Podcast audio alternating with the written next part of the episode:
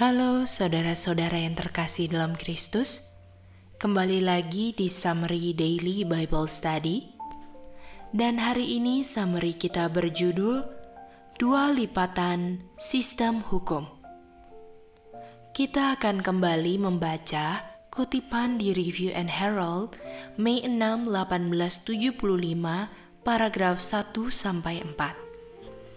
Mari kita ingat kesimpulan paragraf pertama. Di sini ada perbandingan dari one particular sin dengan hari Sabat. Dan kata lainnya hari Sabat dalam paragraf pertama adalah the most important precepts. Kesimpulan paragraf 2 adalah ganjaran melanggar hari Sabat adalah korban. Dan korban ini adalah bukti bahwa hukum tidak berubah. Kenapa korban bukti hukum tidak berubah? Karena hukum menuntut kematian dari pelanggar hukum jadi, korban menggantikan kematian dari pelanggar hukum yang dituntut oleh hukum. Oleh karena itu, hukum tidak pernah berubah. Lalu, apa gabungan kesimpulan paragraf 1 dan paragraf 2? Hukum itu adalah just and merciful, atau hukum itu adil dan berkemurahan. Mari kita lanjut kesimpulan paragraf 3 Bapa memberikan knowledge of His will, especially precept yang jelas dan pasti. Apanya yang pasti? Bahwa bukan manusia yang menguduskan dirinya sendiri, karena kehendak Bapa adalah pengudusan, dan pengudusan itu tandanya hari Sabat, dan hari Sabat adalah tanda bahwa Tuhanlah yang menguduskan umatnya bahwa manusia tidak bisa menguduskan dirinya sendiri. Jadi, mari kita lihat gambaran sebelum dan setelah kayu salib. Sebelum kayu salib, dari melihat domba yang disembeli, kita melihat kayu salib. Dan setelah kayu salib, ketika kita lihat pengganti domba, kita juga melihat kayu salib semua sama-sama melihat, tetapi apa bedanya? Bedanya adalah arah melihatnya. Sebelum kayu salib, melihatnya ke arah depan, dan setelah kayu salib, melihatnya ke arah belakang. Dan waktu saya melihat kayu salib, yang saya dapat lihat di dua arah, apa yang saya lihat? Kematian jadi, sebelum kayu salib ada darah domba dan saya melihat kematian. Dan setelah kayu salib tidak ada darah. Tetapi saya melakukan meat and drink dan saya melihat kematian. Dan kematian di sini adalah sama-sama lambang untuk saya dapat melihat kayu salib atau saya dapat melihat Tuhan Yesus. Kenapa saya harus melihat kematian? karena dengan melihat kematian, saya tidak perlu mati lagi. Mari kita lanjut membaca paragraf keempat. Umat Tuhan disebut peculiar treasure atau harta yang sangat berharga dan sangat diistimewakan Tuhan. Dan diistimewakannya dengan twofold system of law atau dua lipatan sistem hukum. Jadi, ada dua lipatan yang terdiri dari satu hukum. Jadi, kalau ditanya ada berapa apa? Ada dua lipatan hukum, tetapi dua lipatannya semua satu hukum. Dan dua lipatan hukumnya ini adalah moral law dan ceremonial law. Dan Moral law ini untuk menunjukkan pada penciptaan agar manusia tidak lupa bahwa Bapalah yang menciptakan bumi ini. Artinya, waktu kita membaca Roma 3:23, for all have sinned and come short of the glory of God. semua telah berdosa dan telah kehilangan kemuliaan Allah, artinya semua orang sudah lupa akan penciptanya. Karena semua orang sudah lupa, apakah sistem lipatan kedua ada urusan dengan solusi atau tidak ada urusan dengan solusi Roma 3 ayat 23. Mari kita baca lanjutan dari kutipannya. Ceremonial law, yaitu lipatan kedua, diberikan karena pelanggaran moral law. Artinya, kalau tidak ada yang melanggar moral law, bisa saja tidak ada seremonial law. Apakah kalimat itu benar? Itu kalimat yang salah. Karena ada satu hukum yang terdiri dari dua cabang, moral law dan ceremonial law. Jadi, tidak bisa dibilang kalau tidak ada pelanggaran, ceremonial law juga tidak ada. Karena satu hukum itu terdiri dari moral law dan ceremonial law. Artinya, dua cabang ini selalu ada. Mari kita umpamakan dua cabang hukum ini dengan dua cabang pohon. Satu cabangnya ke arah timur dan satu cabangnya ke arah barat. Tidak bisa kita memanjat dua cabang yang berbeda arah dalam waktu bersamaan.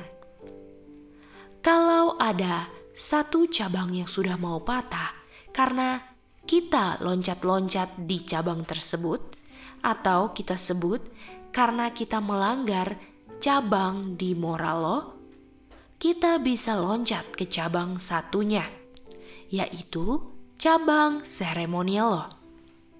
Kalau satu cabangnya tidak pernah diloncatin atau tidak pernah mau patah, artinya kita tidak perlu ke cabang satunya karena tidak perlu ke cabang satunya, bukan artinya tidak ada cabang pohon satunya atau yang seremonial loh. Kalau melanggar moral lo, baru kita loncat ke seremonial lo punya cabang. Artinya karena saya melanggar di cabang pertama, sehingga saya loncat ke cabang kedua supaya saya tidak melanggar lagi. Jadi, seremonial ini selalu ada. Dan orang yang loncat-loncat di cabang pertama, loncat ke situ supaya tidak jatuh lagi. Kenapa kita bilang tidak jatuh lagi? Karena sebelumnya dia jatuh ke posisi cabang kedua, yaitu jatuh ke posisi cabang seremonial law. Karena Definisi jatuh adalah menjauhi atau meninggalkan posisi awal. Dan posisi awalnya di moral lo. Dan dia jatuhnya ke posisi seremonial lo karena tadinya dia loncat-loncat di cabang moral lo. Di sini kita tidak boleh meninggalkan posisinya lagi di seremonial lo. Karena kalau kita bilang dia meninggalkan posisi seremonial lo, artinya dia jatuh lagi. Artinya di sini tidak boleh lagi kembali ke moral lo. Karena kalau ke moral lo artinya jatuh. Karena di sini di tempat seremonial lo dia tidak boleh jatuh lagi. Tapi pertanyaannya, bukankah seremonial lo ini untuk mengembalikan orang ke moral lo? Tapi kalau ke moral lo, definisinya nanti jatuh lagi. Sedangkan ke seremonial lo bukan untuk jatuh lagi. Karena kita harus ingat bahwa definisi jatuh adalah meninggalkan posisi awalnya. Dan sekarang dia posisinya sudah di seremonial lo. Kalau dia meninggalkan posisi awalnya di seremonial lo, artinya dia jatuh lagi. Dan dia harus kembali ke moral law atau cabang moral law karena fungsi ceremonial law adalah untuk mengembalikan dia ke moral law atau tidak melanggar moral law kembali. Jadi ceremonial law ini kita ulang lagi adalah untuk mengajar orang ini tidak melanggar moral law Jadi, waktu dia di cabang seremonial law, dia sudah diajar untuk tidak lompat-lompat lagi di moral law. Karena pada awalnya dia sudah lompat-lompat di moral law dan dia sudah takut di situ dan dia loncat ke seremonial law. Dan di seremonial law punya cabang, sekarang dia tidak lompat-lompat lagi. Tetapi bagaimana caranya supaya dia kembali ke moral law tanpa kita mengartikan definisi jatuh yang tadi kita sudah jelaskan. Caranya menjelaskan ini adalah dia turun pelan-pelan dan dengan sopan dia kembali ke moral law tanpa lompat-lompat lagi. Jadi, dia tidak tinggalkan pohon dia kembali ke moral lo karena di seremonial lo dia sudah diajar untuk tidak loncat-loncat. Jadi di posisi moral lo setelah dia kembali dan meninggalkan posisi seremonial lo, dia tidak pernah melanggar lagi. Jadi, orang ini tidak pernah meninggalkan pohon ini. Dan ini sesuai dengan prinsip yang pertama kita sudah bilang bahwa ini adalah dua lipatan hukum dalam satu hukum yang sama. Jadi, walaupun ada dua cabang moral law dan ceremonial law, tetapi kedua cabang itu ada di dalam satu pohon. Jadi kita tidak bisa bilang bahwa ketika orang ini berpindah ke moral law, artinya dia meninggalkan pohon tersebut karena hanya berpindah cabang bukan artinya orang itu jatuh. Artinya, prinsip yang tidak berubah di sini dari awal. Adanya dua cabang, satu pohon, atau dua lipatan sistem, satu hukumnya. Kesimpulannya apa? Ketika orang ini dari moral law loncat ke seremonial law tanpa bekal moral law sedikit pun. Dan ketika dia di seremonial law, dia diajarkan prinsip-prinsip untuk tidak melanggar moral law.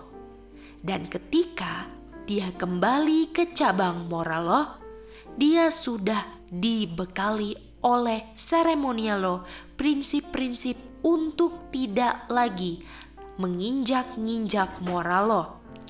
Prinsipnya adalah ketika orang itu sudah kembali ke cabang moral lo, orang ini akan berkata, "Saya tidak akan loncat-loncat lagi di moral lo, karena sebelumnya saya sudah tidak lompat-lompat lagi di seremonial law."